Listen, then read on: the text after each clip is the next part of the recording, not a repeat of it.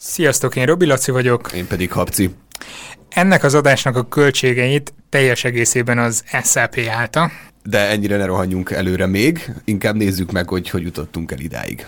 Nem tudom, emlékeztek-e arra, amikor Klotz Tamás volt a vendégünk. Nagyon sokat beszélgettünk akkor Big Data-ról, ilyen nagy adat elemzési módszerekről, arról, hogy mit adhat hozzá ez a világhoz és ugye ő az SAP-nak az egyik szakértője, úgy is mutattuk be annak idején, viszont miután kiment a stúdióból, akkor mi igazság szerint egy picit vakartuk a fejünket. Igen, elfelejtettük megkérdezni a legfontosabb kérdést, hogy mi az az SAP. Valamennyire azért nyilván képben voltunk, hogy jó, egy ilyen nagy globális IT cég, de... Én láttam, az első emlékem erről, és innen jutott eszembe, hogy valahol már láttam ezt. A Forma 1-es autókon volt fenn ez a szponzormatrica az SAP-től. Egyébként erre majd még vissza fogunk térni később. Igen, és ami, amikor ezzel a tudatlanságunkkal szembesítettünk ismerőseinket, akkor ők is azt mondták, hogy aha, hallottak róla, valami rémlik, de lövésük sincs, hogy mi ez, vagy hogy mivel foglalkoznak. Egyébként lehet, hogy ez nem véletlen, mert hogy az SAP az szinte soha semmiben nem jelenik meg így közvetlenül a fogyasztók felé, felénk vagy felétek. Tehát nem félünk attól, hogy ennek az adásnak a meghallgatása után majd rohantok és vesztek két, két, két kiló SAP-t, vagy valami ilyesmi. Ehelyett viszont úgy gondoltuk, hogy legyen ez egy külön kiadás, annyira nem illeszkedik bele a többi adásunkba, és elsősorban két csoportnak szálljuk. Az egyik az az, aki eh, hozzánk hasonlóan tudatlan, mint tök. a tök. Igen.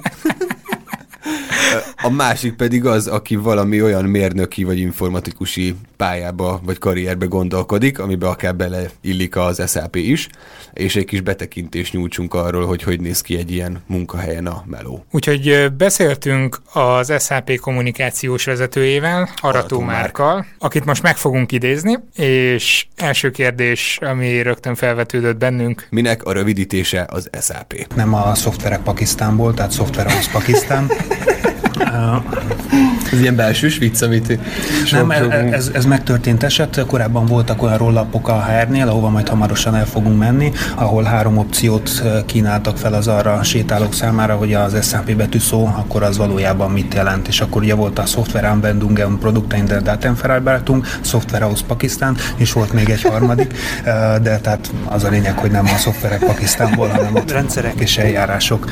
Úgyhogy itt a, egyébként, hogyha itt bárkit megszólítatok a, a cégnél, nagyon sok rövidítés van, néha ezek egymásnak úgymond ellent is mondanak, tehát van, hogy egy rövidítés más jelent például a fejlesztési részlegen, mint például a, a cloud központban.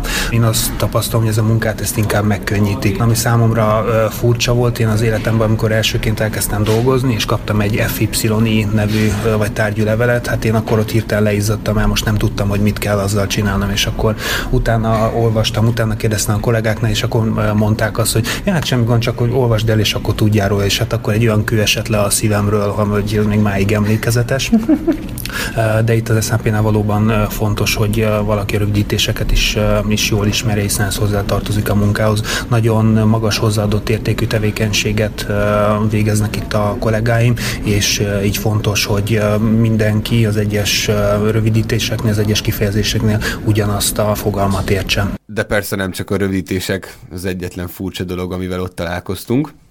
Hát az, hogy mi, kinek mi a furcsa, ez nyilván, igen, igen, nyilván. attól függ, hogy mihez van hozzászokva. Kb. én így képzelek el egy, egy nagy IT céget, már csak azért is, Manapság. mert dolgoztunk együtt többen fogunk még arra példákat látni, hogy milyen extrém dolgok vannak, ami éppen a hétköznapi életben annyira nem megszokott a legtöbb ember számára. Tehát nem a rövidítések az egyetlenek. Nagyon tetszett nekünk, hogy például az egyik épületben a tárgyalók, illetve a különféle közösségi terek, ahol az ott dolgozók együtt működnek, mindenféle tematika szerint voltak elnevezve, ugye? Igen, mondjuk a felhő központjukban ott minden felhőfajtákról volt elnevezve, Igen, tehát Cirrus, meg magát. Cumulus, meg mindenféle ilyenek voltak, viszont amit annyira nem tudtunk képbe hozni, hogy akkor oké, okay, a felhők kapcsolata megvan, de mondjuk a másik épületben miért minden halakról, meg kutyafajtákról kapta a nevét. Mondjuk elég vicces, amikor kapsz mondjuk egy meghívót az egyik meetingre, hogy akkor most a ciao ciao tárgyalóban lesz ez a meeting, de erre azt mondta már, hogy pont ez alapján tudja az ember könnyen megtalálni. Hogy hát meg jó, jó, jobb kedvűen megy be egy ilyen tárgyalásra, hogyha nem tudom, a 3.23-as teremben lesz a... Igen, úgyhogy nevezzétek át a termeiteket ilyen vicces módon, hogyha nagyvállalati környezetet szeretnétek teremteni. Más furcsaság például, hogy a falakon olyan poszterek lógtak, ami az SAP más partner cégeit mutatja be valamilyen formában. Igen, ez, ezeket mondjuk nem tudom, hogy kiknek szól, tehát ö, oda élő ember szerintem rajtunk kívül nem jutott be, tehát se fényképezni, se semmit nem lehetett csinálni. Tehát, hogy ez nem tudom, hogy a munkatársaknak mutatja, hogy hé, fiúk, mi a Motiváció. nem tudom, mikkel dolgozunk együtt. Lehet egyébként, hogy ez is meghatározza így a céges arculatot. Tehát tényleg olyan nagy cégek voltak ott, amit szerintem mindenki ismer, mint SAP termékfelhasználók. Viszont volt egy kör, ami nekem nagyon-nagyon szemet szúrt. Én mondom ki, mert nem tudjuk, hogy hogy kell pontosan kiejteni.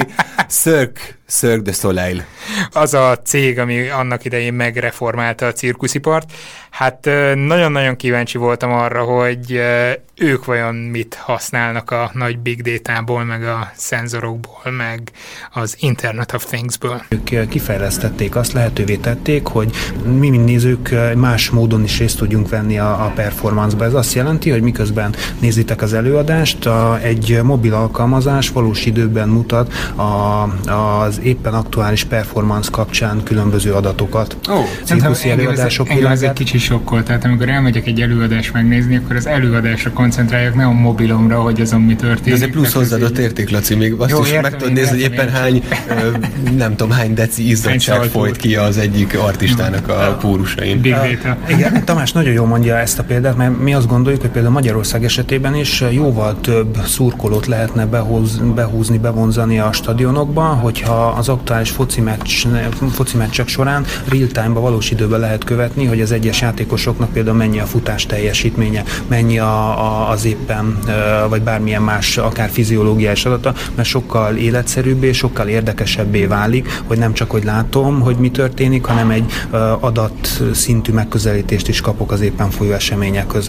Persze nem a foci az egyetlen sport, ahol ilyenféle technikákkal vagy technológiákkal találkozhatunk. Említettem a műsor elején, hogy legelőször én Forma 1-es autón láttam, mint szponzor matrica az SAP logót.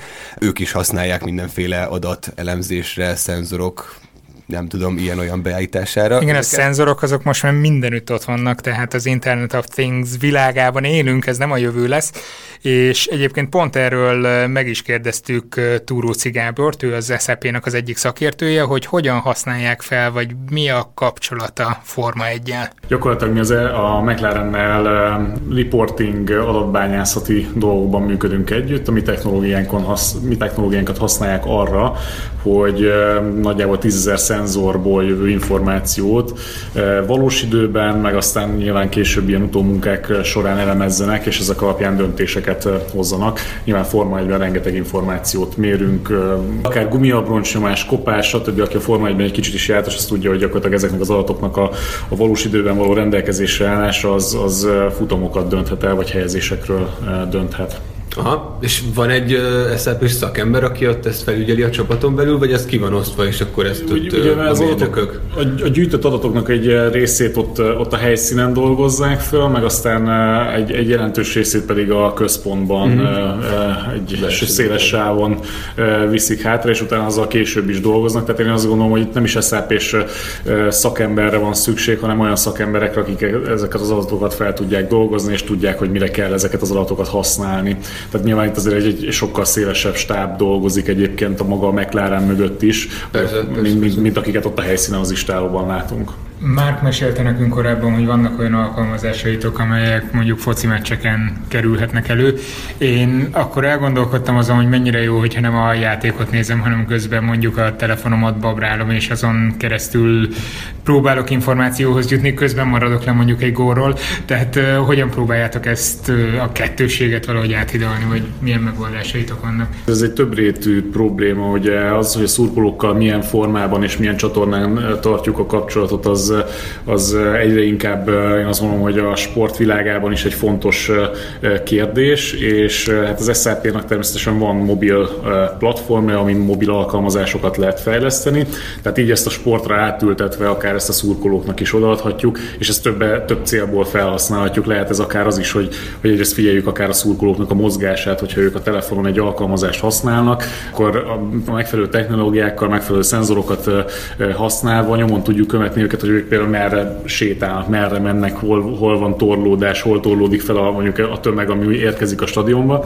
Hát ez Magyarországra egy kicsit átültetve azért itt nyilván sajnos nem ez a probléma, hogy a tömeget hogyan tudjuk a stadionok körül megfelelően irányítani, de ott például gondoljunk arra, hogy, hogy felnő egy olyan generáció, aki a különböző játékokban mondjuk egy vizuálisan gazdag, statisztikában gazdag élményt kap, és őket hogyan tudjuk megszólítani a valós sporteseménnyel. Tehát jogos, amit kérdezel, hogy, hogy, hogy tényleg az a jó-e, hogyha egy sporteseményen én a mobilomat használom, és a mobilomon pötyögök valamit, de én megfordítom, hogy, hogy nem, nem rossz szerintem az, hogyha esetleg azért megy valaki a stadionba, mert csomó plusz információt kap akár a mobil eszközén keresztül a mérkőzésre vonatkozóan, és meg tudjuk azt a réteget is szólítani, aki meg amúgy a világsztárokat irányítja akár egy játékkonzolon, és menedzseli ezeket a csapatokat. Érdekes egyébként, hogy Amerikában a legtöbb sportnál ezt megfigyeltem, hogy az ottani statisztikai adatokra való éjség az rendkívül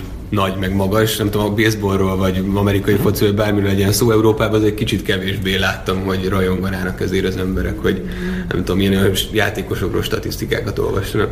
Igen, ennek azért lehet nyilván kulturális sok is, tehát hogy nekem volt szerencsém egy évet Amerikában élni, és emlékszem, hogy akkor egy hatalmas dolog volt ezek az ilyen különböző ilyen kosaras kártyáknak a gyűjtése, ami igazából, hogyha ilyen nagyon, bár bocsánat, szó használat egy primitív módon, de is erről beszélünk, hogy statisztikai adatot adatbázist építünk a, a játékosokról, és hát az NBA kapcsán ugye ott az SAP, hogyha felmegyünk az nba.com per stat oldalra, akkor ott sűrűn látjuk az SAP logót, tehát az NBA-vel is van egy együttműködés, ott pont ezt valósította meg az SAP, hogy az elmúlt jó pár tíz évnek a historikus adatait tesszük elérhetővé valós időben, és ott a szurkolók gyakorlatilag, hát nyilván a, a, az internet előtt ülve nem akarnak fél órát, órát várni arra, hogy egy-egy riport, egy összehasonlító elemzés lefusson, hanem az valós időben kell, tehát mi azt tudjuk nekik, hogy nagyon szép vizuális formában tudjuk prezentálni azt a tömérdetlen mennyiségű adatot, amin ők, amiket ők összehasonlítanak korábbi játékosokat,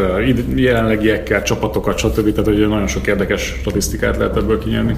Milyen jó amatőrfejlesztési irány lehet, nem? Hogyha mondjuk tudjuk mérni, hogy mennyire izzad egy játékos, mondjuk elmész kasolni, vagy focizni akár a haverokkal, és akkor méri a szenzor rajta ennek a mértékét, akkor annak megfelelően jelennek meg a hirdetések előtte, hogy most ilyen dezodort vagy, vagy olyan szappanra lenne szükséged, vagy tusüldőre jellegű példáink még nincsenek, de, de tényleg... Én, Felvesztek engem?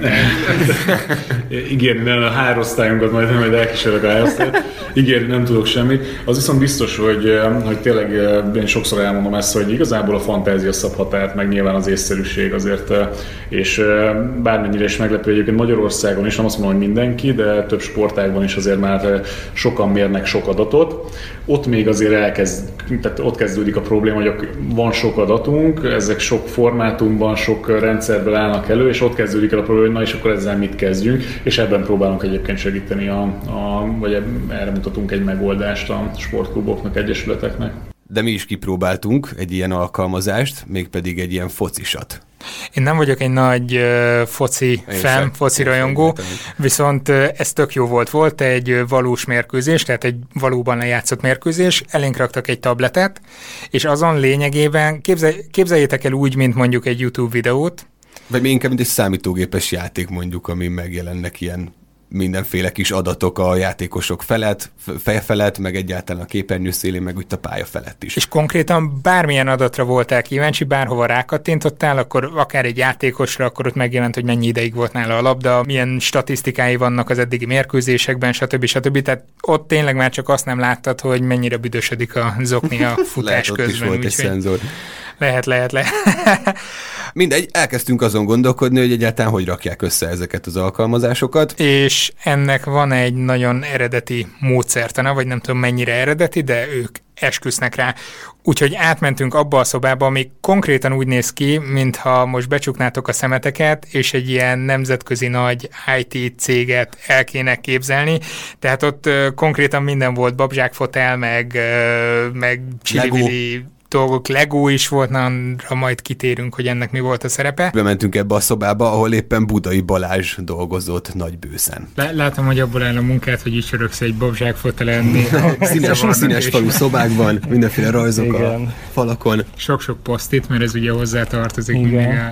Igen, ez egy design thinking szoba, ahol most vagyunk. Tudok valamit erről a design thinkingről egyébként? Abszolút semmit. Mondjak, nulla, nulla, nulla, nulla, és valószínűleg a hallgatóknak még kevesebb. Jó van. Ja, szóval Márk úgy mutatott engem, hogy design thinking coach vagyok, és babzsákon is csörgök, ezt megfigyeltétek. Hát valójában az időm 10%-ában vagyok design thinking coach, vagy 5%-ában körülbelül, és egyébként egy ilyen termékmenedzser vagyok, és a gépem előtt csörgök az Excel táblák előtt. Tehát a design thinking az egy, ez egy gondolkozásmód és egy módszertan, amit az SAP bevezetett, amit a projektjeinkhez használunk ahhoz, hogy, hogy jobbak legyenek azok a projektek. Nem mindig, bár azért elvárás, hogy minden projektet támogassunk meg valamennyire.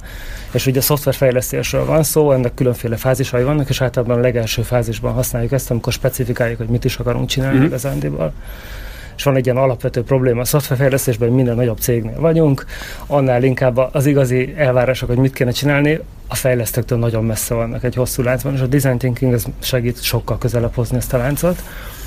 És mi itt, amikor a fejlesztésen elkezdünk a design thinkingen dolgozni, akkor az a csapat, aki valószínűleg majd le fogja kódolni, meg a környező emberek, nekik egy ilyen nagyon jó meglátásuk lesz, hogy mire van igazándiból szüksége a felhasználónak, és akkor itt elsősorban tényleg a felhasználói igényekkel kezdünk, nem azzal, hogy hú, meg lehet ezt csinálni, vagy hogy hú, el lehet-e adni, hanem hogy mik a felhasználói igények, és hogy ennek a kiderítésére ez egy baromi erős módszertan, ami egyébként a dizájnban ilyen bevett lépéseken vezeti keresztül az embereket, tehát olyan nagyon új dolgok nincsenek, csak szépen össze van rakva egy folyamat, egy pár lépésből álló folyamat, ami nek segítségével egy prototípusig eljutunk. Mondjuk a színes papírlapok, amiket itt láttak, ez akár lehet egy prototípus is, hogy papírlapokból összerakok mondjuk egy képernyő tervet, és akkor eljátszom azt, hogyha ide bökne felhasználó, akkor valami Mit más megjelenne a képernyőn.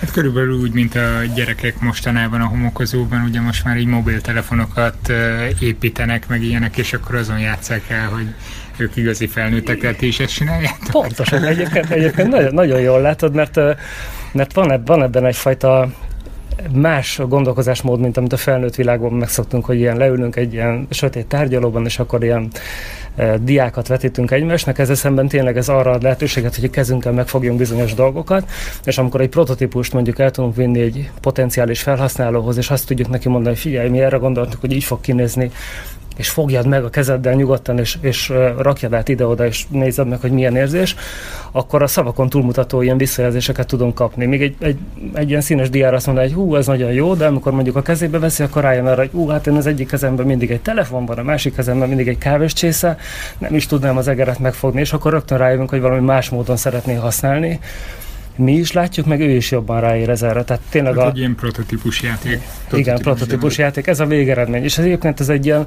ciklikus dolog, tehát nem csak egyszer csináljuk azt meg, hanem építünk egy prototípust, aztán utána visszajelzéseket gyűjtünk, és általában elsőre nem sikerül, bár mi mindig nagyon szeretjük a prototípusunkat, és azt gondoljuk, hogy hát ez a legjobb, hát napokig dolgoztunk, itt a prototípusunk, igen, ez kell nekünk.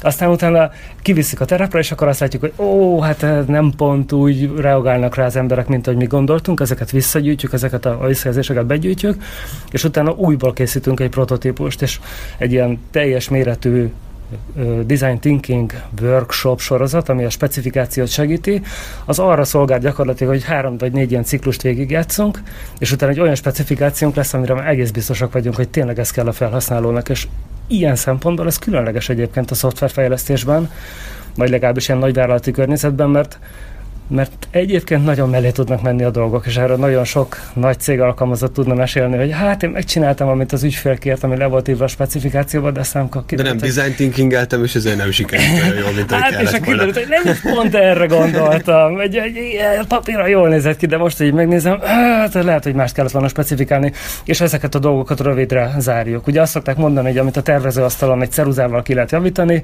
azt később már csak egy kalapáccsal esetleg. Mi a ceruzás irányba megyünk el körülbelül.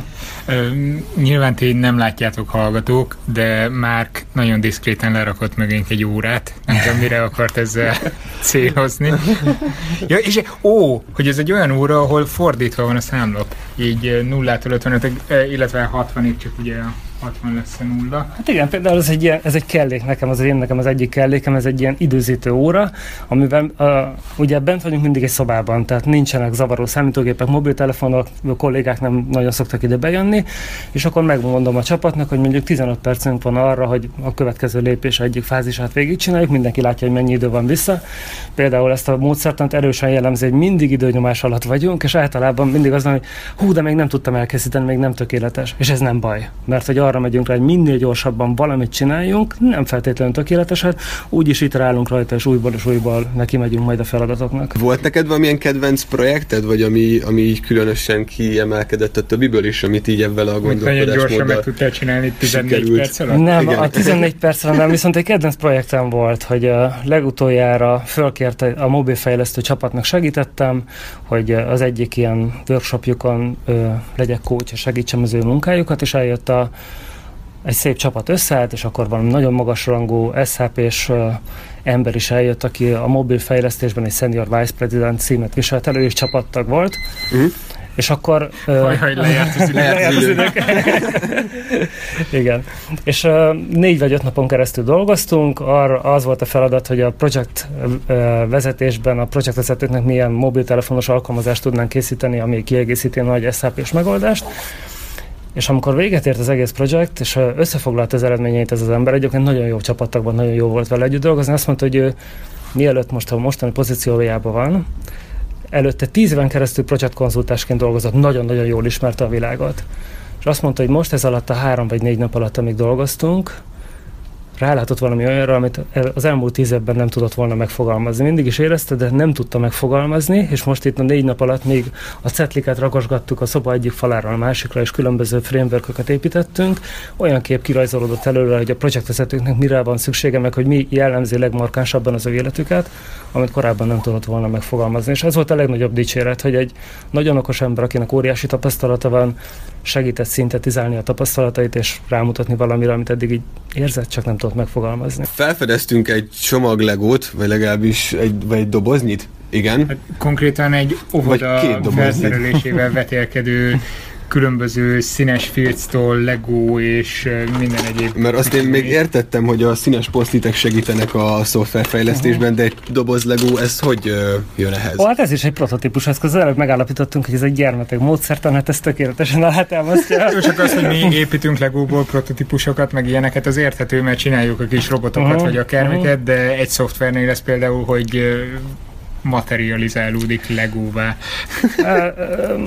A szoftver prototípuson nem feltétlenül arra kell gondolni, hogy képernyőterveket csinálunk mindig, hanem nagyon sokszor egy szoftvert mondjuk három percig használ, vagy, vagy egy percig használ egy ember, de mondjuk benne van egy 15-20 perces folyamatban, és akkor az ő életciklusát megpróbáljuk megérteni, hogy hogyan is dolgozik ő. Van a kezébe kávés csésze meg telefon, és akkor nem tudom, hogy hogyan nyomja az egérgombot.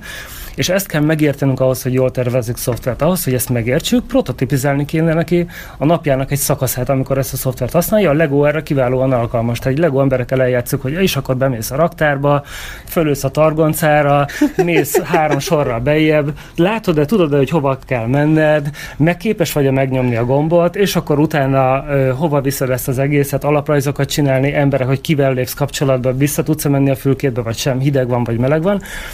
Ahhoz, hogy ezt megértsük, ahhoz egy, építünk egy prototípust, például Legóból szerűen eljátszuk, hogy mi azt gondoljuk, hogy így megy a napod, és akkor egy pillanat alatt rá tud mutatni, de hát ez nem is úgy van, hát oda nem férnék be igazándiból. És pontosan ezek azok az eszközök, amikre olyan dolgokra tudunk rálátni, amiket egyébként sokkal nehezebb lenne megérteni. Ez nagyon erős eszközök egyébként. Próbáltatok már mondjuk gyerekeket játszatni? Hát az én gyerekeim szoktak itt lenni.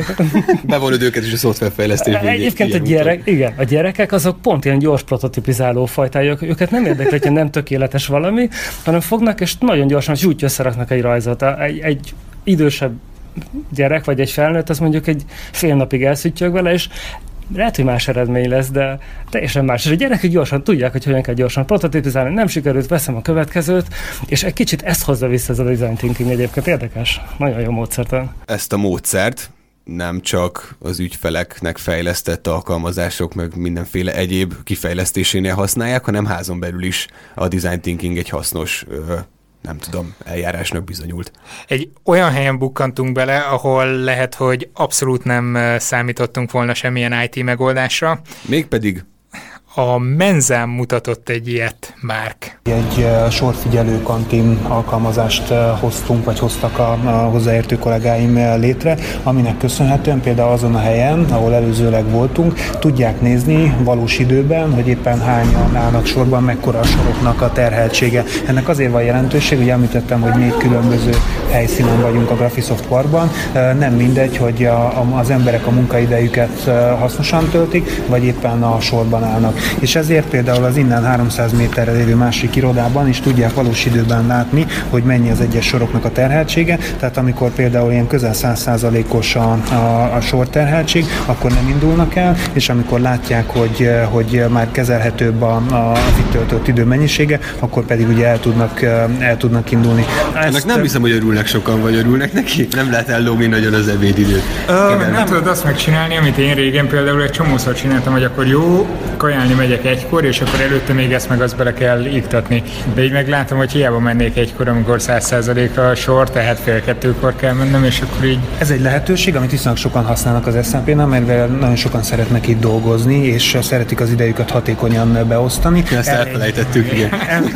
Erre egy nagyon jó lehetőség az alkalmazás, amit mutatni fogok nektek. Szenzorokat szereltünk fel a sorok fölé, ami ugye az alatt elhaladó embereket mér, és 5 másodpercenként frissíti az alkalmazás saját magát, és lehet látni, hogy mekkora az egyes soroknak a terheltsége. Ezt 30 ezer forintból hozták létre a kollégák összesen, tehát ugye kellett például nyomtatott áramkörismeret, meg ilyen egyszerű programozási tudás, de például, na itt már be is töltődött a rendszer, itt azt látjuk, hogy az egyes sorban 80%-os, a kettes sorban pedig olyan 60% környéki, tehát most érdemes lehet elindulni, úgyhogy menjünk most és nézzük most meg, hogy valójában.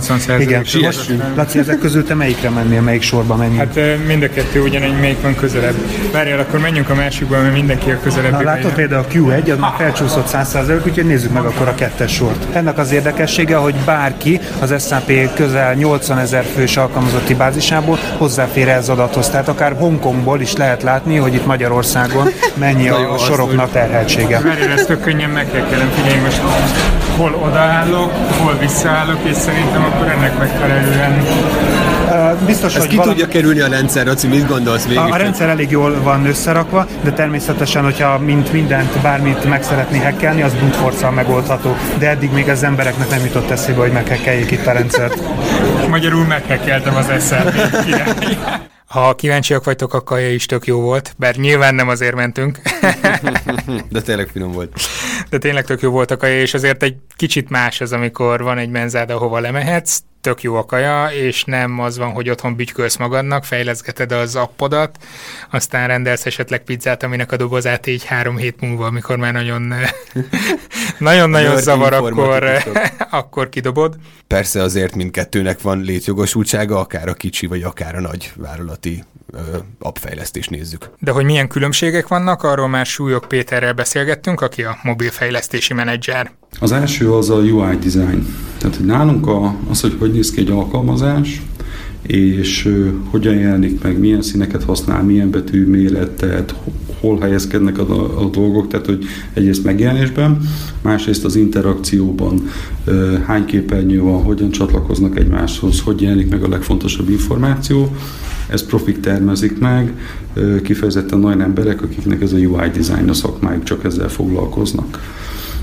Jelenleg az SAP-n belül nálunk a csapatban nincs ilyen ember, ezért szilíciumvölgyből dolgozunk kinti SAP alkalmazottakkal, illetve az SAP Apple Partnership kapcsán közvetlenül az Apple designerekkel is dolgozunk, és ők is tanácsokat adnak abban, hogy hogy hogyan érdemes az alkalmazásunkat átformálni, kiemelni a legfontosabb információkat, a user experience-et a lehető legjobbá tenni, aminek nagyon sok összetevője van, egyrészt a látvány, másrészt a kezelhetőség. Az Apple-nél például nagyon fontosan, fontosnak tekintik azt, hogy, hogy könnyen kezelhető legyen valami szinte magától értető. Ez az mindenütt, nem, hogy könnyen kezelhető legyen a mm, Igen, nagyvállalati környezetben szerintem sok vállalat, és az SAP hál' Istennek nem tartozik ide mobilvonalon, valahogy készítést érez arra, hogy minél több mindent belezsúfoljon az alkalmazásokba, és ez nem teszi őket egyszerűvé.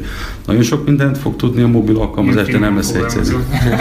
Igen, tehát nálunk nagyon fontos, az utóbbi két-három évben kifejezetten törekszünk arra, hogy, hogy egyszerűsítsük a dolgokat. Tehát simplification nálunk az egy nagyon, nagyon fontos meghirdetett irányelv, és főleg mobil alkalmazások tekintetében ezt visszük. És ha például együtt dolgoztok az Apple-lel, ami kínosan ügyel mindig arra, hogy nehogy bármilyen infó kikerüljön tőletek, így óhatatlanul is be kell hozzájuk jutni és belátni a rendszereit, rendszereikbe. Utána, ha elkészül egy projekt, mint eh, Nagy Péter, megvakítatnak titeket? Vagy, vagy... Eh, hát ez nagyon érdekes volt, mert egyrészt a, ugye most májusban jelentette be a két cég az együttműködését nyilvánosan. Ezt megelőzte egy közel fél éves előkészítés, amely teljes titoktartásra vezet és mind a két fél szigorú titoktartási szerződéseket írt alá, tehát ez mindenhol így van, ez, ezen semmi meglepő nincs. És a, egyébként ezt az együttműködést ma is szerződések szabályozzák, tehát hogy a, mind a két fél tisztában van azzal, hogy mit, te, mit tehet és mit nem tehet. Az Apple egyébként nagyon nagy segítséget nyújt nekünk abban, hogy az alkalmazásainkat, azt az SDK-t, amit készítünk, review-olja, tanácsokkal lát el minket, alkalmazások kapcsán UI designerekkel is együtt dolgozunk, és próbálják a lehető leghasználhatóbb formáját kihozni ezeknek az alkalmazásoknak. És az Apple számára is ez egy nagyon érdekes kaland vagy kirándulás, mert ők idáig a, a consumer piacon voltak nagyon erősen jelen, és ez a enterprise irányba való átlépés a számukra is egy, egy teljesen új domén, ahol ahol, ahol nem volt, nekik nem nagyon vannak ilyen nagyvállalati kapcsolatai, mint ahogy az SAP-nak rendkívül sok ilyen ügyfele van, és, és nagyon, nagyon közvetlen kapcsolatunk van az ügyfelekkel, az, azt tekintve, hogy mit szeretnének, mi az, amit használnak, milyen kihívásokkal találkoznak, és milyen megoldásokat keresnek. Tehát az első ez a, ez a user experience, ami mindenképpen más, legtöbb amatőr alkalmazáson azt lehet látni, hogy jó működik, nagyon okos ötletet valósít meg, de nem biztos, hogy a lehető legjobban olyan profin néz ki. Tehát ki, ugye nem minden programozó Designer grafikus vagy designer, igen. A második különbség, ami, ami nyilván abból adódik, hogy ha egy ember vagy 50 ember dolgozik, akkor a, a mérete egy ilyen alkalmazásnak, a komplexitása, az, hogy 50 ember mennyi időt, energiát tud beletenni, ez nyilván más, tehát hogy ebben is nagyon nagy mértékben más, hogyha egy amatőr elkezdi, vagy tovább tart neki, vagy egyszerűen kevesebb képernyőt tud megcsinálni, vagy kevesebb funkcionalitást tud megcsinálni. Tehát ez lenne, ez lenne egy másik fontos különbség, az, hogy milyen gyorsan és milyen nagy alkalmazást tudunk készíteni, ez a kapacitásból adódik nyilván. Aztán a harmadiknak azt gondoltam, hogy a minőség. Ez megint egy kicsit a, a két dologból adódik, egyrészt, hogy sokan vagyunk, másrészt az attitűd, amivel mi dolgozunk. A termékfejlesztésünknek nagyon sok része kifejezetten minőségbiztosításra fókuszál, és arra, hogy hibákat találjunk, és, és tesztkézeket írjunk, amivel garantálni tudjuk, hogy többet ez nem jön elő, ez a hiba. Tehát kifejezetten vannak nálunk olyan emberek, akik a tesztelésre fókuszálnak, az egész tím is folyamatosan ö, több menetben tesztel, hiba és próbálja elérni, hogy a lehető legstabilabb, legjobb minőségű szoftvert tudjuk a, a vevőinknek kiszállítani. Ha valaki egyedül dolgozik, ez nyilván valamilyen szinten ő is próbál egy stabil kódot írni, azért nem mindig, nem mindig terjed ki az összes apró részletre a figyelme nyilván. Hogyha én kedvet kaptam ahhoz, hogy most itt alkalmazást fejleszek nálatok, akkor milyen skillekre van nekem szükségem ehhez? Vagy mit kell tudnom? Péter most végignézett rajtad, és hosszan elgondolkodott, hogy ezt udvarias, ahogy... Fordítva fogom a telefon, ez már rögtön egy rossz jel. Lehet, hogy érdekes lesz, amit válaszolok olyan szempontból, hogy egyetemi hallgatókat, hogyha megnézzük, akkor az egyetemi hallgató kapcsán ugye mi is álmodozunk mindenféle dolgokról, biztos tudják ezt is, azt is, meg, meg mindenféle dolgokat. És a mobilfejlesztés kapcsán az a tapasztalat, hogy főleg androidos tudással jönnek ki az egyetemről. És ez azért van, mert a, az Android, mint beruházás, tehát mint pénzügyi beruházás, ugye sokkal egyszerűbb venni egy 40 ezer forintos telefont, és az otthoni gépen fejleszteni rá szoftvert, mint az Apple kapcsán venni egy iPhone-t, ami 200 ezer, 250 ezer forint, venni egy MacBook Pro laptopot, mert csak azon lehet fejleszteni, ami szintén egy, egy 5-600 ezer forint, és akkor tehát egyszerűen a bekerülési költsége olyan, amit nagyon sok ember nem engedhet meg magának, és nagyon-nagyon ritka az, hogy iOS tudással találunk embereket, vagy már a piacon más cégeknél dolgoznak, vagy külföldön szerezték meg ezt a, ezt a tapasztalatot, de tényleg nagyon ritka, kevés. Úgyhogy azokat a, a fiatalokat, akik, akiket fölveszünk, azokat úgy vesszük föl, hogy mi fogjuk őket igazából kitanítani, és nem várunk el semmilyen dolgot tőlük, inkább ezt az általános, hogy mondjam, józan parasztészt, vagy hogy az, az a fajta intelligencia, programozási tudás, ami, ami valószínűleg majdnem minden szituációban fontos, és mindenféle más dolgot megpróbálunk mi megtanítani nekik.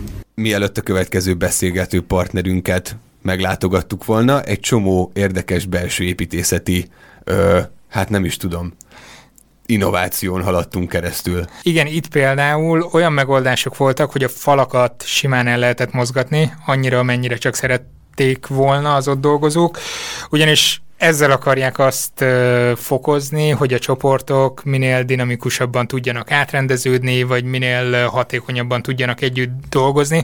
Tehát ott a gurulószéknek nem az az egyetlen funkciója, hogy kicsit arrébb lehet húzni, hanem konkrétan teljesen át lehet vele gurulni az épület másik felébe akár. Úgyhogy így a csoportok tényleg úgy tudnak dinamikusan alakulni, ahogy azt a feladat végzése, vagy a feladat jellege, megkívánja, jellege megkívánja. Egy olyan helyen jártunk, ahol olyan megoldásokat fejlesztenek, amivel mondjuk egy cég egész pontosan meg tudja tervezni azokat az anyagáramlásokat, aminek a működéséhez elengedhetetlen szüksége van. Például egy olyan ellátási lánc, ami az élelmiszereknek az eljutását biztosítja a feldolgozótól, vagy a készítőtől mondjuk a vásárlókig. És itt ugye azt nem tudtuk megkerülni, korábban beszéltünk arról, hogy különböző cégek logói lógtak ki mindenütt a falakon, itt például az Oreo borított be mindent. Igen, ők, ők is az ügyfelünk, illetve az a cég, ami ezt a kekszet gyártja. Valószínűleg szeretjük is. Ezt már Tolvaj Béla fejlesztési vezető mondta, de akkor nézzük, hogy miből áll a munkájuk mondjuk az Oreo példáján. A folyamat az általában úgy néz ki ezeknél a cégnél, hogy valamilyen ciklikussággal negyed évente, évente, fél évente ők megtervezik azt, hogy miből várhatóan mennyit fognak tudni eladni, és azt hogyan fogják tudni legyártani Ugye egy ilyen keksz esetében arról lehet szó, hogy nem egy keksz van. Tehát most már nagyon nagy a, a, a diversifikációja a termékeknek. Végen volt például egy fogkrém, egyféle fogkrémet lehetett venni egy híres fogkrémgyártótól. Most, ha bemegyünk egy boltba, akkor, akkor polc tele van mindenféle fogkrémekkel. Amit, Sok híres fogkrémgyártó. Igen, amit éjszakaival, gyerekeknek, gyümölcsiző, nem gyümölcsiző, mindenféle fogkrém, és viszont a polc mérete az pedig nem nőtt lényegesen. És emiatt sokkal komolyabb az a probléma, hogy, hogy ne fogjon el a polcról, mindig legyen a termék elérhető a vásárlók számára, viszont amikor ugye sok fogy, akkor ne is legyen belőle, tehát ne is legyen az, hogy túl sok van az ellátási láncban, hiszen azzal nem lehet értéket teremteni, amit a raktárban tartunk éppen. És akkor ez a, progr- ez a program lényegében azt számolja ki, hogy mi az az ideális nem tudom, termékmennyiség, mondjuk jelen esetben a fogkrémeknél, amit oda kell szállítani egy boltba, vagy, vagy, vagy ilyesmi? Igen, gyakorlatilag, gyakorlatilag ez. Ugye ennek az a logisztikai aspektusa, de nyilván azt is figyelembe kell venni bizonyos cégeknél, hogy, hogy mondjuk a, pénzügyi erőforrások lehetővé teszik-e azt, hogy, hogy ők éppen az le tudnak gyártani, ennyi, vagy a gyártókapacitásuk, tehát ezeket mind. De a végeredmény, ahogy, ahogy, ahogy mondod, az, az valóban az, hogy, hogy mennyit kell oda szállítani a boltba, vagy a disztribúciós központba, vagy mennyit kell gyártani. Tehát ugye ennek az egészet visszafelé meg kell tervezni onnantól a polctól a a nyersanyagokig. Befelé jövet láttuk, hogy South Park figurákkal meg van csinálva az egész tábod, Nem tudom, hogy te rajta volt ele, és mennyire vetted zokon, hogy te miként jelentél meg, illetve egy másik szobában itt a szomszédban dobgép van, meg mindenféle egyéb ilyenek, tehát előfordul az, hogy én fejlesztek, fejlesztek, egyszer csak kimegyek és elkezdek dobolni, vagy? Igen, igen, ez, ez előfordul. A van olyan kollega, akinek napi rutinja is van, tehát hogy azzal kezdi a napot, hogy valamelyik eh, hangszer játszik, és ezáltal hangolódik el a, a munkára. Ez egyfajta rekreációs tevékenység, ugyanúgy, mint hogyha egy pingpongasztalunk lenne. Egyébként úgy van megoldva ez technikailag, hogy ez senkit nem zavar, tehát fülhallgatóval működik, nem lehet hallani, és egy ilyen speciális keverővel össze is tudják kötni a különböző hangszereket, és akkor együtt is tudnak játszani. De jó. A, csapat. Jammelés így Igen, igen úgy is hívjuk, hogy jamkornál. Pingpongasztal is van. De ja, jó, oké, okay. mert valahol olvastam, hogy a Szilícium völgyben egy tök jó mutatószámnak tartják a gazdasági teljesítményre azt, hogy, hogy mennyi pingpongasztalt rendelnek, mert a sok pingpongasztal fogy, az azt jelenti, hogy nagyon sok új eh, cég jelenik meg, tech cég, és azok bővülnek, és egyre több ember dolgozik náluk, úgyhogy ebből le lehet merni. De akkor nálatok az ilyen van, elektronikus hangszerek is, és az is van. a kosárban vannak. Sőt, az egyik csapat épített is egy ilyen Arcade Machine eh, nevű játékgépet, sőt kettő is van belőle, amit ők építettek. Um, azt is néha szokták használni játékra. Igen, azt mi is kipróbáltunk. Amit még itt eh, láthatok, hogy kérdezted a, a, a South Park figurákat, hogy, hogy ugye minden csapatnál volt egy ilyen kezdeményezésünk, hogy, hogy lehessen tudni, hogy a csapatban ki kicsoda, és annak ez az egyik, egyik csapat úgy gondolta, hogy viccesen a kölyesz Park figurákkal fogják leolni. Ennek elsősorban az volt a célja, hogy, hogy lehessen tudni, hogy kinek mi a szövegkör, és potenciálisan mibe dönthet. Ez a iroda, ez egy úgynevezett app house egyébként, ahol mi azt jelenti, hogy szabadon lehet mozgatni benne a bútorokat, illetve a tévelválasztó elemeket, és ez egy fajta olyan intenzív kollaborációt tesz, együttműködést, együtt dolgozást tesz lehetővé, ami ugye a szoftverfejlesztésben elengedhetetlen, ahol nagyon sok döntést kell meghozni a csapatnak a munka során önállóan. De többnyire így nyitottan vagytok, most azért ellátok az épület végig igen, a igen. irodán belül, de ha kell, akkor ezt le is tudjátok választani? Ha a másik szányot néznénk, ott van olyan csapat, ami picit jobban körbevette magát, ők azt szerették volna, van nekik egy ilyen szófájuk, egy kanapéjuk a közepén, ahol, ahol tudnak megbeszéléseket tartani, anélkül, hogy bemennének egy tárgyalóba nagyjából tíz fős csapatok vannak, és mindenki magának alakítja ki, hogy milyen munkakörnyezetben, milyen elrendezésben érzi jól magát. Oké, okay. úgy látom, hogy az SAP-nál mindig jó hangulat uralkodik, tökéletes a légkör, de mi van akkor, hogyha... Beüt a krak. Amikor átmentünk a felhőközpontba, mintha egy tök más világba léptünk volna át. Ugyanaz a dizájn meg minden, tehát ez, ez nem okozott nagy törést, de mintha valami űrhajó irányító termébe léptünk volna be a 24. századba. Igen, tehát a falakon mindenféle nagy kijelzők, monitorok foglaltak helyet, ilyen öles nagyságúak, rajta mindenféle számok, meg, meg egyéb grafikonok pörögtek folyamatosan, és mindenféle villogó Hát nem tudtuk, hogy hibajelzés, vagy micsoda, de mindenféle... Azért reméltük, hogy hibajelzés, és majd látunk Igen, valami szaftos dolgot. Viszont innen ebből a központból üzemeltetnek különböző felhő alapú szolgáltatásokat, és két ilyen központ van az egész világon, tehát vagy Bangalorból, vagy pedig Budapestről irányítanak mindent lényegében, ami ilyen felhő alapú megoldása az SAP-nak, de hogy pontosan mit csinálnak, arról Kalapos Viktor fog nekünk beszélni, aki a felhőközpont menedzsere. Van 10 data center, adatközpont a világon, és ezt a 10 adatközpontban futó ilyen sok ezer szerver üzemeltessük, mind az operációs rendszer szinten, mind az alkalmazás szinten. Az üzemeltetés azt jelenti, hogy minden rezdülését ezeknek, ennek az 5000 szerveres környezetnek mi lássuk, ha valahol teljesítménycsökkenés van, ugorjunk rá. Ez azért fontos, mert ezeket a környezeteket gyakorlatilag több ezer nagyvállalat, a világ legnagyobb cégei használják, sok tízmillió felhasználója van, és ha itt valahol teljesítménycsökkenés van, az nem egy ügyfelt érint, hanem Majd több százat egyszerre.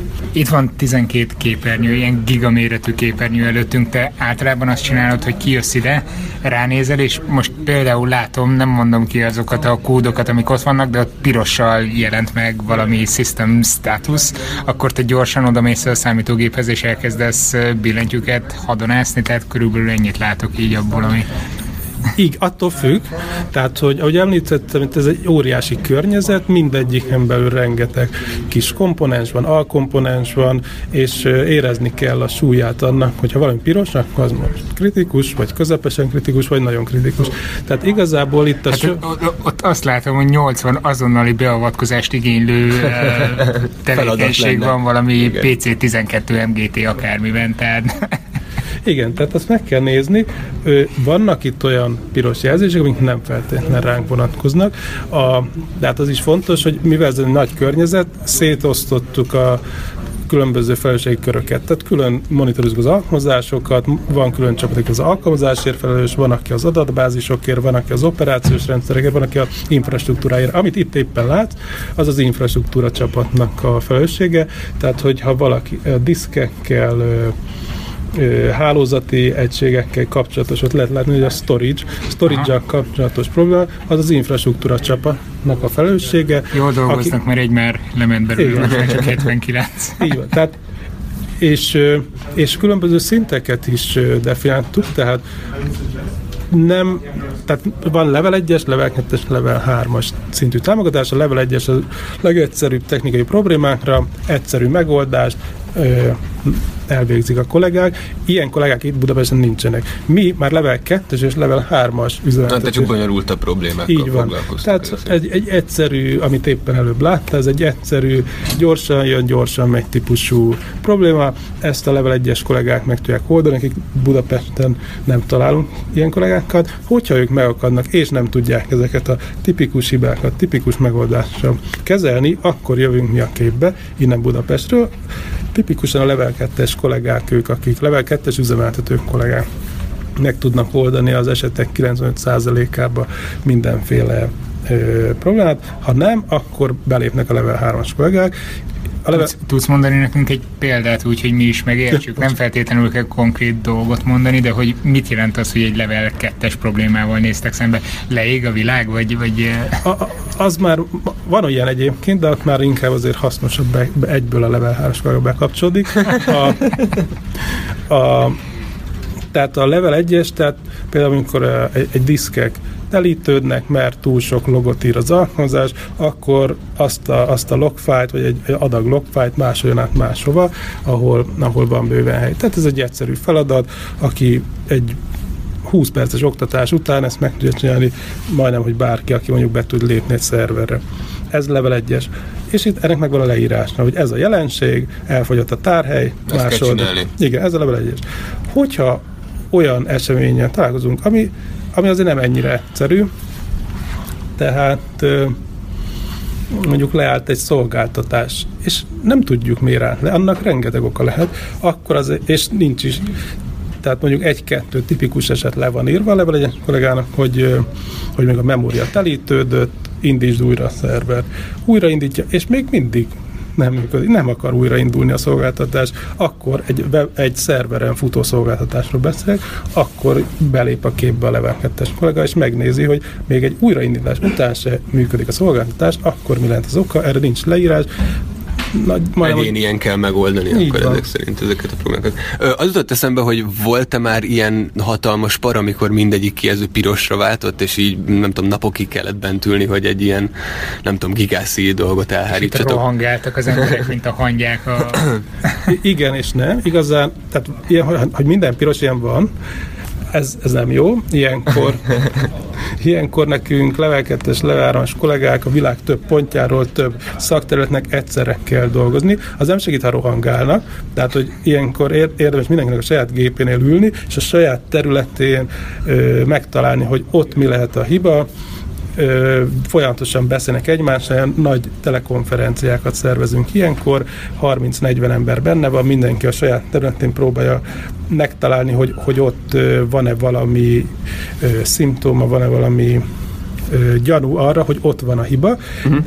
Tehát tehát hogy ilyen van, viszont nem napokig. Ha napokig tartana, az a nagy-nagy gond lenne, tehát itt ilyen percekről, rossz esetben órákról beszélünk, amennyi idő alatt ezt meg kell oldani. Tehát mondjuk, ha igazából 90 perc, bocsánat, 60 percet meg kell oldani ilyen jellegű problémákat, mert ahogy említettem az elején, ez több ügyfelet érint, több száz ügyfelet érint egyszerre, több millió felhasználót érint egyszerre, tehát ezt nem engedhetjük meg, hogy ez napokig tartson. Itt igazából egy, egy óra alatt az ilyen jellegű problémákat meg kell oldani, ezért van egyszerre bent ezekben a telekonferenciákban 30-40 kollega, és mindenki, mindenki azon dolgozik párhuzamosan, hogy ez, ez a probléma elháruljon. A legfőbb ellenfél az idő valójában, így nem van. is a számítógép. Tehát, hogy, ja, innen már filozófiai témák igen, igen, igen, igen. De ez így van, és mi ezt mérjük is, tehát vannak úgynevezett service level agreementek, ez szolgáltatás szint megállapodások, ami igazából az a, a cégünk, az SAP bizt, nyújt az ügyfeleink fele, tehát bizony a szolgáltatásoknak havi szinten hány percet kell rendelkezésre állni. Itt közeledő, ugye a 100% nem az ideális, azért az élet nem ideális, tehát 100%-ot soha senki nem ígér ügyfeleknek, de 99,5%-ot igen. És ezt ki lehet számolni, hogy ez havonta hány percre leállást jelent, uh-huh. hogy, hogy 0,5%-ba állhatnak le a rendszerünk havonta, és hát mi azon dolgozunk, hogy ezt soha ne lépjünk túl. Azt láthattuk, hogy a felhőközpontban az élet nem fenékig tej fel. Bepillantunk egy kicsit a supportba. Tehát azt láttuk, hogy a felhőközpontban, ha hiba van, rögtön mindenki kap a fülhallgató után, billentyűzetet ragad, aztán próbálják elérni, hogy a piros lámpák ne égjenek de mit csinálnak vajon a támogatási csoportnál, és erről kérdeztük Sinkó Lászlót. Nálunk hasonló munkát kell elképzelni, és mégis alapjaiban más típusú a mi tevékenységünk. Annyiban hasonló a mi tevékenységünk, hogy az SAP supportja, tehát terméktámogatása akkor aktiválódik, amikor az ügyfeleinknél felhasznált üzleti szoftver valamelyik részén nem működik, vagy nem működik megfelelően. Jó, jó, jó. Bizony, bizony, tehát itt... És ilyenkor előveszitek a fejlesztőket, hogy ne haragudj, én szívok a szapporttal, mert ti rosszul csináltok? Abban az esetben, hogyha ennek a hibás vagy vélten hibás működésnek az oka egy valósan egy, egy szoftver hiba, akkor igen, akkor ezt az ügyet továbbadjuk a fejlesztőinknek, akik kiavítják ezt a hibát, és ezt kiszállítják az ügyfeleknek programkorrektúra formájában. A mi feladatunk pontosan abban áll, hogy megállapítsuk azt, hogy, hogy vajon ennek a hibás vagy vélten hibás működésnek az oka egy szoftver hiba-e, avagy sem. Az úgy néz ki, hogy én betelefonálok, felveszed a telefon, majd hallod, hogy velem beszélsz, és ezt mondod, hogy akkor nézzem meg, hogy be van-e kapcsolva a gép, kezdjem azzal, vagy, vagy milyen jellegű támogatásokat nyújtatok? Igen, az általad leírt ö, támogatás jellege, ez egy, ez egy ilyen első szintű ö, támogatói modellnek felel meg, ahol az egyszerű kérdéseket level egy support, kértétek, hogy érthetően beszéljünk, próbálom ezt megtenni. Igen. Lassan megtanuljuk mi is itt a szlengeket. Nem, tehát a, a a teljes support folyamat az lényegében úgy néz ki, tehát kik az ügyfeleink? Az ügyfeleink globális cégek, nagy, nagy cégek, Audi, Nestlé. Természetesen ezen cégeknek van egy saját belső támogatói hálózatuk, az ő hozzáértő bázisadminisztrátoraik, technikai embereik, tanácsadóik foglalkoznak első szinten az összes az ügyfélnél fellépő problémával. Ők próbálják ezt megoldani, és hogyha ők nem tudták megoldani a problémát, akkor veszik fel velünk a kapcsolatot, nem betelefonálva, hanem írásban egy ilyen ticketing rendszerben érkeznek be hozzánk ezek az üzenetek. Természetesen Ez mi az a ticketing rendszer így? A ticketing rendszer az, az olyan, azt úgy kell elképzelni, mint, mint mondjuk egy e-mail inboxot, ahová e-mailek helyett, vagy hát mondjuk az e-mailek, azok ügyfél problémákat jelentenek, ahol az ügyfél leírja azt, hogy mi történt nála, mi a jelenség, minél több információt ad erről, akár, akár screenshotokat küld erről, a folyamatot leírja, hogy mi történik egész konkrétan minden technikai részlettel. Beérkezik hozzánk egy ilyen probléma, az elsődleges feladatunk természetesen az, hogy értelmezzük ezt a magát a jelenséget, tesszük ezt úgy, hogy hát természetesen magas szintű eleve az a, az a, az a, az a tudásszint, ami, ami, ami, ami szükségeltetik ahhoz, hogy, hogy érdemben tudjunk foglalkozni ezekkel a problémákkal. Tehát mivel ez egy ilyen másod-harmad szintű támogatói tevékenység, ami, ami nálunk folyik, nagyon nagy hangsúlyt fektetünk arra, hogy, hogy magasan képzett kollégákat vegyünk föl, illetve hogy az ő kiképzésük az egy nagyon magas színvonalon történik meg nálunk. Ebben nagyon jók vagyunk, ez egy ezt már régóta csináljuk, és hát lényegében ez egy tudásmunka, amivel mi foglalkozunk, hiszen egy adott beérkező problémának na, számos oka lehet. A, a feladatunk, mint mondtam, értelmezzük, majd analizáljuk, keresünk természetesen tudásbázisokban, felhasználjuk a saját tapasztalatainkat, tapasztaltabb kollégákat bevonunk az analízisbe. Egy meglehetősen analitikus munka ez, egyfajta detektív munka, ami lényegében az SAP technikai hát rengetegében zajlik, ahol a bizony nagyon sok múlik azon, hogy az ember hányszor járt ott, mennyire ismeri, mennyire emlékszik, mennyire tudja azt, hogy hol kell jobbra, hol kell balra, és igazából mi a helyes sorrendje ennek ahhoz, hogy az a szoftver, amiről itt valójában szó van, úgy működjön, hogy ez a céljainak megfelelően, jól, stabilan, és hát problémák nélkül. És kik alkotják ezt a csapatot? Mert ezek szerint azok, akik ugye a támogatást nyújtják, azoknak nagyon flottul kell ismerniük, hogy hol kell jobbra meg balra menni. Igen. Tehát ez úgy van, Igen. hogy fejlesztők kerülnek át aztán egyszer ide a szapportba, tehát van ilyen átjárás mondjuk a csoportok között, vagy ti magatok hogy készültök fel, beültök oda a fejlesztőkhöz és velük tanuljátok, miközben fejlesztik a folyamatokat, készítik, vagy, vagy ti magatok onnan szerzitek meg azt a tudást, ami alapján segíteni tudtok? Igen, hát a, a, alapvetően amikor, e, amikor új kolléga kezd nálunk, ö, kezdetektől fogva hozzá rendelődik a, egy már a csapatban dolgozó tapasztalt kolléga, mint mentor, mint szakmai mentor. E, ennek a szakmai mentornak a feladata az, hogy az újonnan érkező kolléga betanulása a helyes irányba történjen, helyes időben történjen. Ez az ő primér feladata. Ennek ez itt természetesen nem merül ki, hanem hát van rengeteg olyan standard, úgymond standard tréningünk, alaptréningünk, tanfolyamunk, ahová elmegyünk. Ez körülbelül ez egy olyan, a betanulásnak a körülbelül egy olyan 20%-át teszi ki. Egy olyan 10%-ában egyeztetünk, megszabjuk az irányokat, és, és 70%-ában a, a, a munka, a betanulás, igaz, a betanulás valójában a munka keretein belül valósul meg. Tehát minél hamarabb igyekszünk odáig eljutatni a kollégákat, hogy valós problémákon kezdjenek el dolgozni, valós helyzetekben tudjanak működni, hiszen azt nem szabad elfelejteni, hogy itt nem csak, egy, nem, nem csak a, a technikai uh, analízis és az ebben való öröm fontos, az is fontos dolog, hogy ügyfelek ülnek a, a, a vonal másik végén, akinek alapvetően problémájuk van. Tehát ilyen értelemben ez egy, ez egy, ez egy érzékeny fő, kihívás. Már már pszichológusi függ, függ, kvalitásokat. Nagy, bizony nagy hangsúly van azon, hogy ebben is mennyire vagyunk ügyesek, mennyire tudjuk magát a, a helyzetet, illetve abban a helyzet, a, az ügyfelet, aki viszont egy adott helyzetben van, de egy, ő mégiscsak egy ember, így aztán nekünk erre is ügyek, hát próbálunk erre is odafigyelni. Ezt mind-mind megtanulni, hogyan, hogyan megy az igen, tehát hogy, hogy tanulunk-e a fejlesztőktől természetesen, tehát megvan a, a betanulásnak az a fázisa, amikor a fejlesztőktől érdemes már tanulni. Ez, egy, egy, ez úgy az első fél év, kilenc hónap, talán az első év végén valósul meg. Alapvetően egymástól próbálunk tanulni, illetve, vagy hát tanulunk, illetve mivel globális szervezetben dolgozunk, ezt fontos tudni, itt egy tehát lényegében hát mint ahogy a legtöbb globálisan működő szervezet és, és az ilyen feladatokat régiókra osztják a nagyvállalatok, így aztán mi is dolgozunk együtt más régiókban, has ugyanezért a termékért felelő kollégákkal, ahol szintén van nagyon sok hozzáértő kolléga. Tehát tőlük is tanulunk rengeteget. Egymástól, fejlesztőktől, teszteljük a termékeket, és hát feladatunknak része az is, hogy nem, nem csak, hogy megoldjuk a beérkező problémákat, hanem, hogy tudásunkat folyamatosan meg is osszuk ügyfeleinkkel. Így rengeteg olyan tudásdokumentumot készítünk és adunk ügyfeleknek, amikkel lényegében az a célunk, hogy a fellépő problémáikra, a fellépő kérdéseikre hamar, gyorsan, pontos választ kapva meg tudják oldani minél gyorsabban a problémáikat ők saját maguk, anélkül, hogy minket igénybe kellene venni, úgymond egyben a klasszikusan az előbb leírt folyamatban, hogy üzenetet küldenek nekünk, amit mi feldolgozunk és felveszünk velük a kapcsolatot.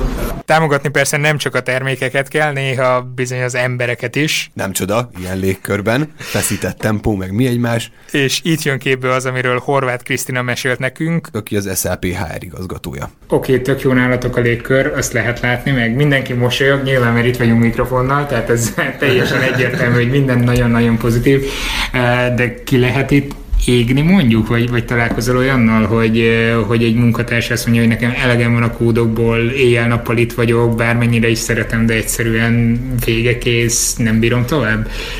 Igen, ez, és nem, ez nem, ilyen nincsen. Ilyen nincsen nálunk, de egyébként ez egy nagyon, nagyon egyedi személyes kérdés is. Tehát ugye én is mondtam, hogy majdnem 15 éve itt dolgozom, és nagyon sok kollégánk van, hosszú ideje dolgozik itt, és, és nyilván fontos az, hogy változatos legyen, de az ember nem biztos, hogy magától mindig megtalálja ezt a ritmust. És az, hogy, hogy egy, egy ilyen profi cégnél nyilván nagyok az elvárások, attól függ, hogy ki mennyire bírja ezt a nyomást, mennyire tud segítséget kérni, vagy saját maga megszabni ezt a határt, hogy ez meddig egészséges. Hát ebben nem mindenki egyformán jó, úgyhogy az is fontos, hogy ebben mi segítsünk, ezeket a jeleket mi is észrevegyük. Úgyhogy Úgyhogy ez egyik ilyen program, ami tulajdonképpen segíti ebben a dolgozókat, ez az Employee Assistance program, ez tulajdonképpen annyit jelent, hogy, hogy van egy ilyen 24 órás segítségvonal, ami azért hasznos, mert nem, nem csak egyéb munkával kapcsolatos kérdéseimet tudom megbeszélni, hanem akár magánéleti problémáimat is. De most konkrétan ezt úgy képzeljem el, mint mondjuk valami pszichológiai segélyvonalat, hogy felhívja a munkatárs, és, és, és azt mondom, nem hogy... csak pszichológia, hanem, hanem egyébként egyébként pénzügyi, jogi vonalon is nagyon szívesen segítenek, szakemberekkel természetesen, tehát azért itt nem De akkor nem SZP szakemberek, hanem ti nem, valakik... Nem, magánemberként veheti mindenki, oh. úgymond Uh, és, és ez tényleg jó, mert, mert olyan stresszfaktort veszünk le a, esetleg az emberek válláról, ami, ami egy idő után mondjuk itt, itt már tényleg uh, átfordulna valami komolyabb problémába. Tehát ez a, én azt gondolom, hogy ez akkor jó, ha megelőzés jelleggel is tud működni. És ezeket például ti monitorozzátok, ha nem is az, hogy kinek mi volt a konkrét problémája, de látjátok, hogy mondjuk a X részlegről nem. nagyon sokan, hát pedig ebben lenne az igazi ez, ez, nagyon ez, ez nagyon fontos, hogy mi semmilyen részletes információt nem kérünk, és nem is kapunk arról, hogy, hogy ki milyen problémával. Nyilván ilyen össz információ eljut hozzánk, hogy hányan, hányan használják, vagy egyáltalán használják ezt a szolgáltatást, hasznos-e, kell-e kibővítenünk valamilyen irányba. Tehát ilyen de ez nem mutathatna rá szerinted, hogyha nem is a konkrét problémát, de mondjuk problématípusokat látnátok, hogy hol, hol merülnek fel azok leggyakrabban, hogy akkor ott az egész részlegre valami univerzális... Ez, ez múlik a, a dolgozón is, mivel teljesen anonimitással uh-huh. megy ez a program, tehát teljes anonimitást vállaltunk, ezért a dolgozó dolgozón is múlik, hogy mennyire nyitott arra, hogy egy-egy problémát a, akár meg, megosszanak Aha. velünk. És, és nyilván ez a, a HR-nek egy nagyon komoly visszajelzés, és egy komoly csatorna lehet, akár név nélkül is, hogyha, hogyha vannak problémák a szervezetben, akkor még időben tudjunk ezen segíteni nehezen tudok itt átkötést találni, úgyhogy lehet, hogy ezt neked kéne átpasszolni ezt a kérdést, mert te vagy az átkötések mestere, de azért egy informatikai cégnél túlnyomó részt gyanítom, meg ezt is látom nálatok is, meg máshol is, hogy túlnyomó részt férfiak dolgoznak. Mennyire nyitott szerinted akár a szakma, akár ti, mint cég arra, hogy lányok is jöjjenek hozzátok? Láttam szép számmal női dolgozókat, de ez mhm. mennyire jellemző szerinted? Én azt gondolom egyébként, hogy, hogy nagyon jól állunk, tehát ha így körbenéztek, akkor de tehát nagyon sok az hölgy van, állás így magyar, sok magyar viszonyok között? Nyilván vannak olyan, olyan munkakörök, szoftverfejlesztés tipikusan, ahol esetleg kevesebb, vagy üzemeltetés még kevesebb. Mi azt gondolom, hogy nyitottak vagyunk egyébként, és mi nagyon szeretnénk, hogy sok hölgy jöjjön hozzánk dolgozni. Van egy olyan érzésem, hogy inkább a, a a hölgyek azok, akik kevésbé tudják magukat IT vonalon elképzelni, úgyhogy ezen valószínűleg dolgozni kell, tehát nekünk is aktívabban részt kell venni olyan eseményeken, ahol, ahol ebben tudunk segíteni, tehát hogy igenis ez lányoknak is lehet való, abszolút, tehát hogy ne legyen ez a prekoncepció a, a fejekben, hogy a IT, akkor, akkor férfiak inkább.